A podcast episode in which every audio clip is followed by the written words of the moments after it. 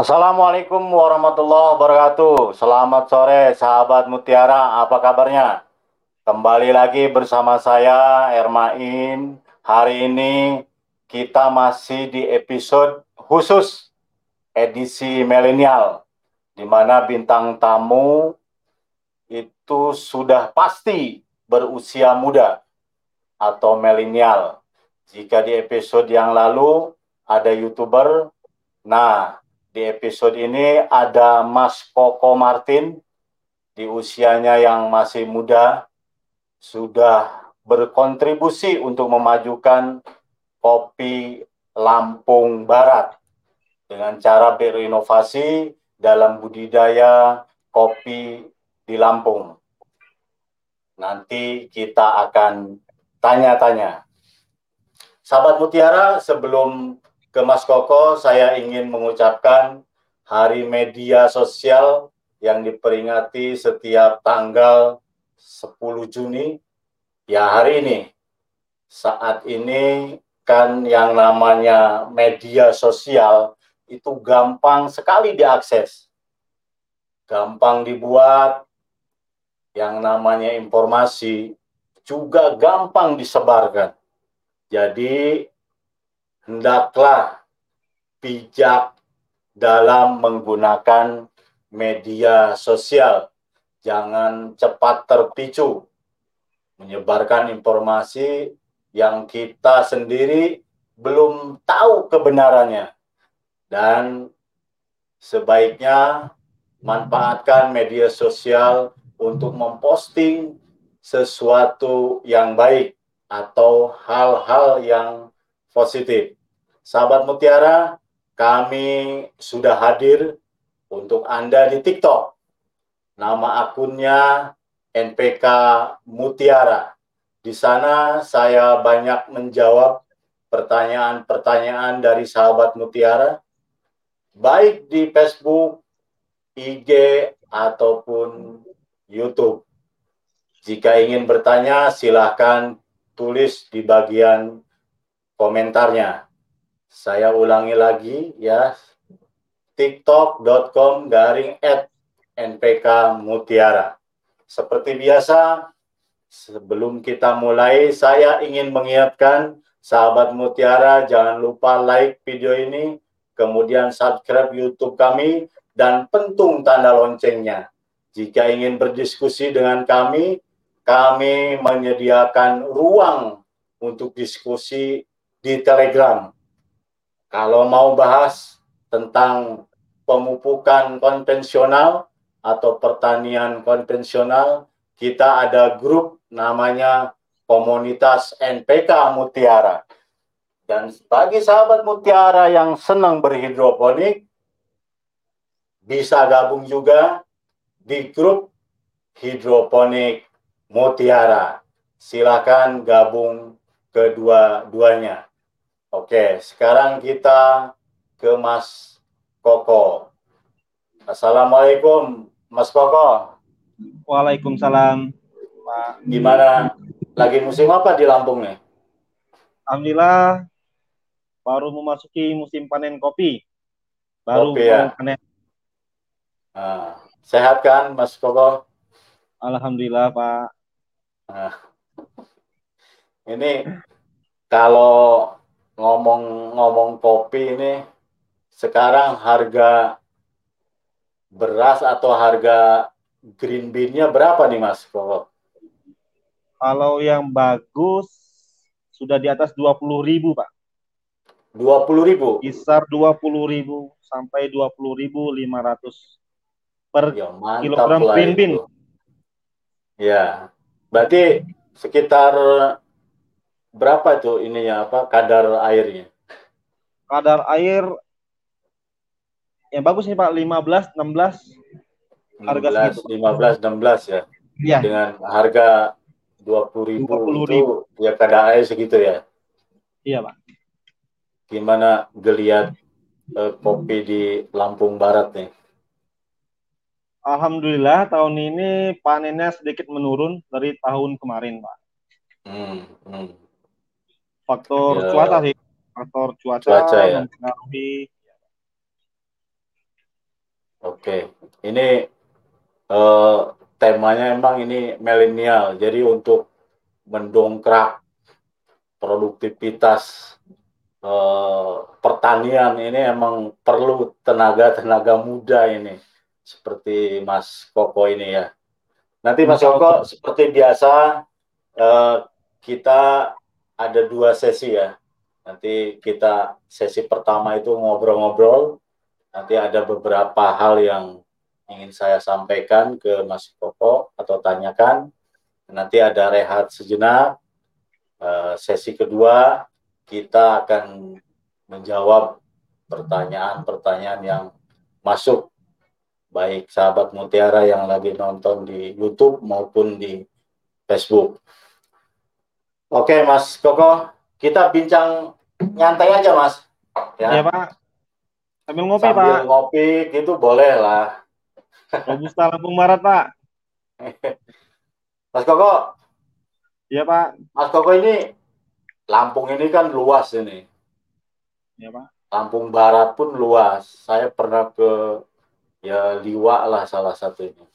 Ini tepatnya Mas Koko ini di mana Lampung Baratnya? Di Kelurahan Fajar Bulan, Kecamatan Hmm. Waitenong, Kabupaten Lampung Barat, Pak. Sekitaran Fajar Bulan Waitenong, Pak. Kalau Waitebu itu sebelah mana ya? Waitebu masuk ke dalam nih, Pak, sebelum Sumber Jaya. Pergi kalau Oh, dari iya, iya, iya. setengah jam dari sini. Berarti Waitenong ini Sumber Jaya dulu, baru Kabupaten Waitenong ya? Kecamatan Waitenong, ya, Pak. Oh, oke, oke, oke, oke. Saya sudah pernah ke Waitebu, ya Sumber Jaya, Fajar Bulan, adem sana. Adem, Pak. Alhamdulillah. Oke, Mas Koko, sehari-hari ini kegiatan Mas Koko apa aja nih? Ya, jual beli aja, Pak. Jual beli kecil-kecilan, buka gudang. Berarti jual beli kopi kan maksudnya? Jual beli pupuk ini, Pak. Yang subsidi, Oke. non subsidi juga. Nah, gimana? Aman kan sana? Alhamdulillah aman aja, Pak. Cuman ya itu nunggu musim Pak. Nunggu baru musim ya? rame. Nah, nunggu panen raya baru rame. Karena kopi kan ini kan- sekali. Eh, iklim kalau di Lampung sendiri seperti apa sekarang ini? Sekarang baru mau memasuki musim kemarau, Pak. Tapi masih ada hujan gitu? Masih, Pak. Akhir Masih ya? musim penghujan ya. Iya, karena di Jawa pun beberapa eh, tempat itu masih ada hujan ya. Sebenarnya udah masuk bulan Juni ini. Nah, sebelum ke kopi ini, kan Lampung juga terkenal dengan duriannya. Kira-kira kapan panen duriannya? Panen durian kalau yang perkebunan perkebunan ya, Pak ya. Di Ya, daerah Jawa sudah mulai panen, malah sudah dibilang buah ujung. Oh bau ujung sekarang ya. Ya, yang di daerah Liwa, daerah Kembahang. Oke, oke. Kalau yang tradisional bisa dibilang gagal panen tahun ini. Tidak ada sama sekali Oke, oke. buah durian. Oke, terima kasih Mas Koko. Gini Mas Koko, dengar-dengar eh, Mas Koko bersama rekan-rekan di sana itu membangun sekolah kopi milenial. Bisa diceritakan nggak nih soal sekolah tersebut ini? Ya, awalnya ini Pak, sekolah itu kan cuma nama aja, tempat kita Hmm. belajar mengajar. Dan di sana tidak ada gurunya ya tidak ada guru sana saling sharing, bertukar pikiran, mencari ilmu gitu Pak. Jadi tidak ada istilah sekolah kan ada gurunya nih, di sana tidak ada gitu Pak. Saling sharing tukar pikiran. Nah, ini contoh pertemuan grup sekolah kopi, tani kopi milenial di Lampung Barat nih Pak. Ya, berarti emang sekolahnya langsung ke lapang atau gimana nih? Apakah ada di ruangan seperti video Di ini? lapangan Pak, biasanya di lapangan Langsung ke kami. lapangan ya. Di lapangan. Hmm. Ini di video ini sebelum bulan puasa Oh, kami sebelum acara puasa di ya. kebun Anjarwana sana berbincang-bincang melihat perkembangan kopi gimana Ya, tentang cara budidaya bahan Oke. produksi yang untuk tahun berikutnya gimana buah yang tahun ini gimana gitu pak semua kalau di lapangan nanam robusta ya. Robusta pak Lampung Barat 99% ya robusta Ah, 90% Jadi- robusta Oke, sisanya liberica nih pak oke. Wow, banyak juga ini muridnya ini. nggak ada murid pak sesama rekan rekan tani kopi milenial pak Ngomong-ngomong udah berapa murid nih? Rekan tani kopi milenial yang tergabung di grup WhatsApp sekitar 400 Oh, 400. Ya, dan Ini di kalau rata-rata satu hektar udah 400 hektar ini. nah dan di fanpage Facebook sudah menyentuh angka 8.000 pak dalam tiga bulan ini kami bikin udah sekitar 8.000 pengikut 8.000 ya. Dari berbagai daerah pak dari Pulau NTT Pulau Bali Hmm. Sulawesi ada, Jawa Timur, Kabupaten apa? Provinsi Jawa Timur ada, Oke. di Malang. Mas Koko kalau grup WA kan tadi 400. Rata-rata Iya, Pak. luas lahan eh, anggota berapa tuh? Kalau diperkirakan sekitar satu hektar Pak, satu hektar 2.500 batang kopi. Wih, mantap lah ini. Semua anak muda semua ini. Mas Koko, ini ada syaratnya enggak nih kalau ingin jadi murid sekolah di sana? Syaratnya nggak ada Pak, yang penting komen aja nih di seperti kami kan posting nih di YouTube, Ya, posting konten di YouTube atau di Facebook. Kami Hmm. ngirim tentang cara pertanian kami, perawatan kami. Hmm. Kalau ada yang mau bergabung, ya. silakan inbox aja ini. Pengen masuk nih bang, langsung kami Oke. masukin ke grup ini pak. Oke. Tidak Gampang berarti ya. khusus, gampang nih pak. Yang penting jangan promosi pak. Kalau di YouTube Ah. kami di web WhatsApp jangan promosi gitu pak. Kalau promosi Japri aja ya. Ah ya benar pak.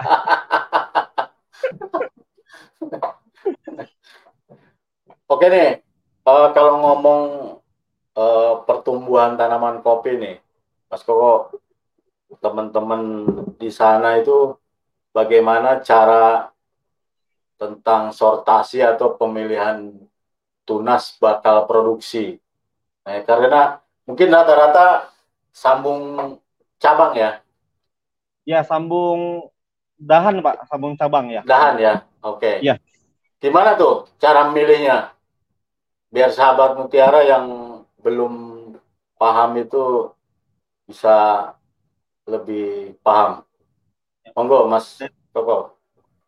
Jadi intinya kami menjaga kestabilan panen setiap tahun pak. Hmm, dengan memelihara tunas-tunas baru. Dan di grup kami ada istilahnya B0. B0 oh, apa ya? nol. B. Bakal bahan produksi yang bakal bahan yang belum berproduksi. Oke. Dan B1 buah di tahun pertama. Hmm. B2 buah di tahun kedua. Hmm. Untuk menjaga kestabilan itu harus ada bahan bakal produksi, bahan buah pertama, B2 bahan buah kedua, Pak. Hmm. Dan cara pemilihan tunasnya kita mulai melakukan pengerjaan di bulan 9. Itu secara Oke. umum ya Pak ya, di bulan 9. Oke. Hmm. Di bulan 9 kami sehabis panen. Ini spesifiknya sehabis panen, Hmm. kita lakukan pemangkasan. Oke. Pemangkasan bertujuan untuk memunculkan bakal-bakal tunas baru nih Pak. Oke. Yang tidak berproduksi, yang cabang yang kira-kira sakit, produksinya sudah berkurang untuk tahun berikutnya, kita buang. Dan kita pelihara. Oke. Itu untuk di bulan 9. Dan penyimpanan tunas baru ditandai dengan berakhirnya bunga panen raya. Hmm. Kalau di sini umumnya di bulan 9 sudah stop nih bunga, tidak bakal keluar Oke. bunga lagi. Oke. Dilanjutkan dengan lanjutan pupus baru, tunas baru yang Hmm. di sehabis pembunga. Di sana baru kita simpan tunas di ranting-ranting itu kerangka asnya tadi Pak. Lalu kita Oke. si- simpan di sana. Hmm. Itu pengerjaan di bulan 9 10 Pak. Perantingan Oke. dan penyiapan tunas. Baru di bulan 12 kita sortasi atau pemilihan tunas-tunas yang kecil-kecil tadi ini Pak. Ya. Nah, di sana baru dipilih yang mana yang tunas balik, tunas yang kecil, yang kurus kita buang semua. Tunas ujung kita buang semua, Hmm. disisakan tunas yang dikira-kira baik. Disisakan Oke. banyak, banyak dulu nggak apa-apa. Disisakan banyak Hmm. dan dibiarkan sampai bulan 2 atau bulan 3. Kalau nutrisinya baik, satu bulan bisa mencapai dua ruas Gitu ya. panjang tunas. Oke. Berarti bulan 10, 11, 12, 1, 2. Berarti sudah mencapai 8 maksimal 8. Berarti sekitar 6 sampai 8 ruas di bulan 2 atau 3. Oke. Di sana kita sortasi lagi. Kan ada nih yang bakal B0 atau bakal produksi yang sakit, kena pengerek batang, buang. yang Ya. tumpang tindih dibuang dan Oke. disisakan yang terbaik, Yang normal berarti ya. yang normal, yang sehat. Usahakan simpan yang tunas raja atau sunat yang bersirip, Oke. bukan tunas ranting yang satu itu Pak, yang beraja yang sirip megar itu Pak. Oke. Ya. Disimpan lagi sampai bulan 5. 5 itu sudah Itu finishing. Udah finishing ya. Bulan 5 berarti. Finishing di bulan finishing. Oke. Nah, untuk menggenjot produksi butuh berapa yang ya yang ideal lah Ya, untuk satu pohonnya itu. kecilnya aja nih Pak ya. Misalkan Ya. sambungan sambungan lebih dari lima tahun ya, Hmm.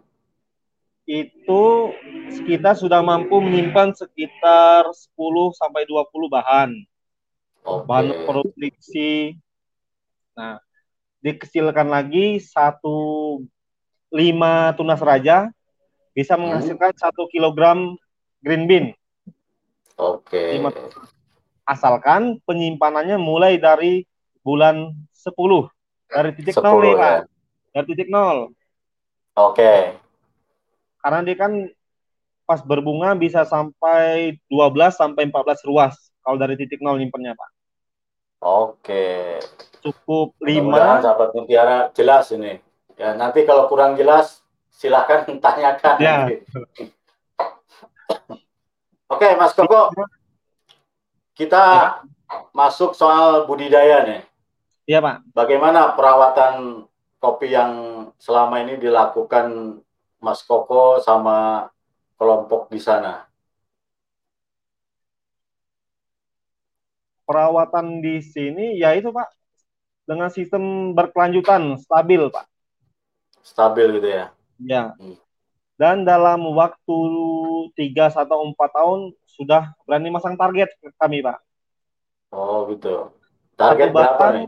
Satu batang 2 kilogram green bean. Wih. Berarti kali 2500. Iya. Wes, mantap Target itu, Pak. itu. Tetapi ya itu Pak dalam jangka 3 sampai 4 tahun, tidak bisa instan. Oke. Ya, memang harus pelan-pelan ya, step by step ya. Nah, ya videonya bisa di stop ini Pak. Oke. Ini kan ini Pak kopi yang di kebun ya, di kebun Ya. saya dan dijadikan Oh, kebun Mas ini ya? ya, dijadikan percontohan grup ini Pak. Tempat sekolah lah ini ya. Ya intinya intinya apa ya bisa dibilang apa ya namanya percontohan tuh Pak studi banding lah Oke. untuk dia Ya. dengan pun saya Oke. itu kan buah dia turun ke bawah sudah ada Hmm. Dan bahan bakal produksinya dia di atas nih Pak udah siap berbunga Oke. untuk yang tahun depan Tahun berikutnya udah kita Udah udah, siap. punya cadangan ya. iya benar Pak jadi berkelanjutan Mantap, misalkan tahun ini dengan bahan yang berbuah sekarang dapat satu kilogram dengan lima bahan Ya. peliharalah bula dari bulan 10 kemarin 10 kilo 10 bahan untuk mencapai 2 kilogram di tahun 2022 Oke. Ya, ya, ya. Hebat ini gambarnya bagus. nah ini lagi panen ini Pak panen bulan kemarin Panen ya. Panen eh stop lagi biasa biasanya sekaligus atau hanya yang merah-merah, Mas Koko? Gimana cara panennya? kalau kami di sini biasanya satu batang itu tiga kali panen Pak Oke. satu batang artian ini per batang Pak ya tiga kali panen Hmm. yang pertama dia memilih yang merah duluan yang lebih Oke. tua biasanya sekitar dua dompol atau tiga dompol Hmm, hmm. Nah, kita petik tunggu sampai tiga minggu kemudian biasanya banyak yang ini bisa dua kali lipat atau tiga kali lipat yang merah Oke. Panen lagi. berikutnya itu ya. ah itu Panen panen kedua. rayanya pak panen rayanya yang kedua Oke. Berapa waktu tuh selangnya biasanya? selangnya biasanya sekarang nih panen pertama tiga minggu kemudian sudah mulai masak dan tiga Oke. minggu kemudian Oke. Bilang berarti dua bulan. Tiga minggu ya. Oke. ya Oke. ah, stop ini pak Oke. bisa di stop videonya Hmm. nah ini ini pak apa yang bakal produksi tahun ini yang siap berbunga Wih, tahun banyak ini kali nih ya bahannya ya. alhamdulillah nih pak yang penting ngikutin prosesnya Berarti emang kopi intinya di pemangkasan Perawatan dan iya sambung perawatan. ya. ya benar. Oh, penyiapan bakal tunas bahan itu yang bakal produksi ya pak Oke. Tapi bahan apa batang pokoknya ini mungkin udah puluhan tahun ya Mas Koko. batang pokok sekitar lebih dari 35 tahun pak batang bawah Itu lebih tua batang kopi dari Iya, pada sampean ya. iya benar pak Oke Mas Koko, menurut Mas, Mas Koko nih dalam perawatan kopi apa yang eh, paling penting ya dari pemangkasan kah apa pemupukan kah ini? ini pak urutan dari kami pak ya dari Oke, grup yang pertama pemangkasan yang paling penting pemangkasan ya. pemangkasan pemangkasan dia Oke. akan memunculkan bahan bakal tunas produksi Siap. Oke. yang kedua pemeliharaan penyiapan ap- ya penyiapan dan pemeliharaan tunas tadi pak Dan yang ketiga baru pupuk. Hmm. Kenapa pupuk terakhir? Karena Hmm. pupuk yang penyuplai tunas kecil tadi, Pak. Oke. Ya, ya, ya. Dan kami di sini menganjurkan pupuklah tanaman sesuai isi kantong. Ya. Misalkan ini Pak, cukup Ya. mampu satu, satu ons per batang. Hmm. Cukup maksimal simpan 10 bahan produksi. Oke. Gitu. Oke. Itu minimal ya. Minimal, maksimal 10 batang Pak. Oh, 10 maksimal ya. bahan, ya maksimal 10 bahan. Oke. Oke. Kalau mampu lebih di pemupukan, bisa 20 bahan atau sampai 30 bahan. Oke. Bahan banyak, nutrisi sedikit, gagal buah, Pak. Kacau juga ya. Kecil-kecil ya. Ya, ini video waktu pemangkasan, Pak. Waktu saya dan kawan-kawan pemangkasan Oke. di bulan September. September ya. September, September, Oktober. Ya.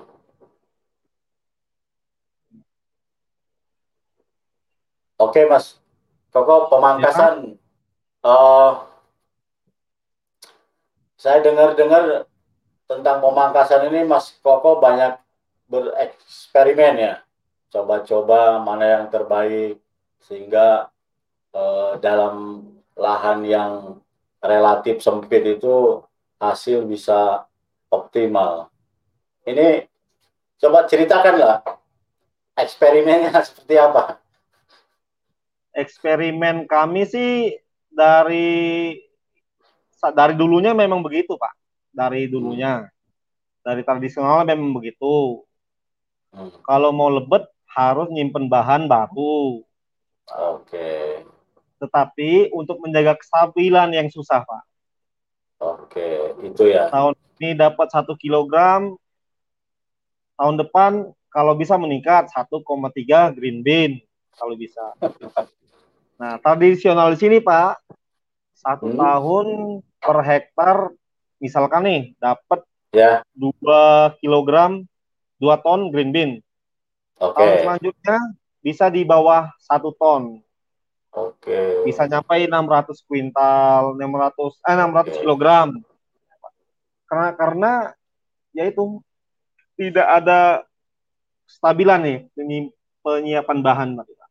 Oke, itu yang susah ya. Iya. Sekali Hmm. panen panen ekstrim. Sesudah panen Ya. sudah bahan kosong, bahan produksi.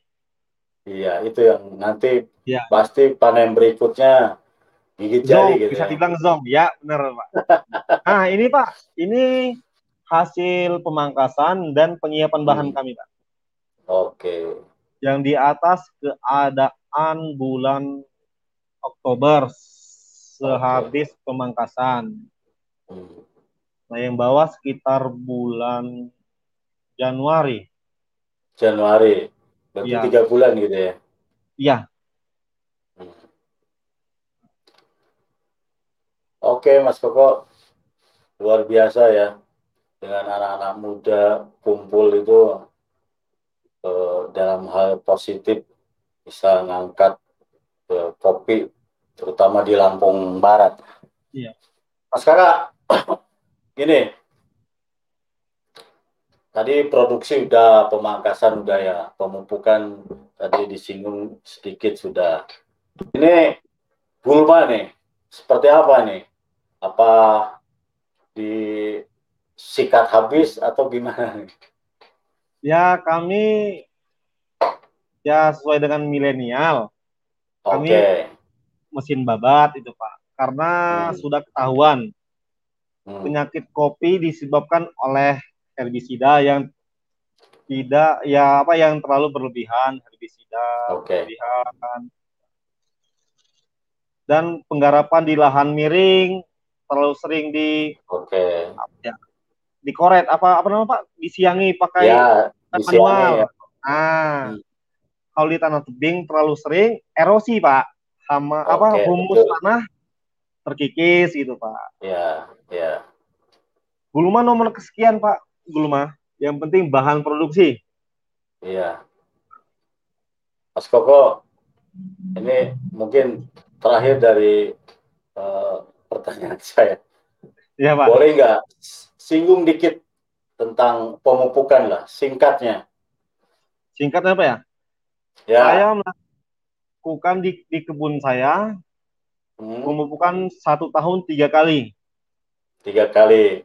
Sesuai dengan fase pertumbuhan. Fase gitu ya, sesuai fase Oke. pertumbuhan. Kalau umumnya bulan 9 ka, bulan Bulan 9 10. Nah, itu kan sudah bunga terakhir mekar, kembang terakhir mekar. Oke. Oke. Untuk memunculkan tunas baru, kami pupuk di bulan 10 bulan 11. Oke. Dan kami menggunakan pupuk yang pertama grower, Oke. urea, subur kali, dan karate plus boroni. Oke. Total berapa Mas Koko pakainya per hektar? Per hektar di jumlahkan 1 ton 250 kg, Pak. Hmm. Dalam satu kali Oke. aplikasi. Itu yang pupuk bawah, Pak ya. Oke. Nah, kalau yang foliarnya kalau spray atas menyesuaikan saja nih Pak. Bisa satu bulan sekali, lebih. Pak. Oke. Hmm. Terus pemupukan kedua gimana, Mas Koko? Pemupukan kedua, pemupukan kedua untuk menjaga buah Bulan- Pak, agar tidak rontok. Iya. Bulan berapa tuh biasanya? Bulan dua nih Pak. Bulan dua ya. Iya. Berarti posisi Kami, Pak- tanaman udah buahnya Posisi ya sudah gitu ya, degan. degan Ya, ya. ya benar Pak. Posisi buah degan dan bahan juga baru mulai subur-suburnya nih. Iya. Oke, muncul udah banyak muncul ya. Sudah banyak muncul ini Pak. Hmm. Untuk degan ini apa nih? Komposisi pupuknya apa-apa nih?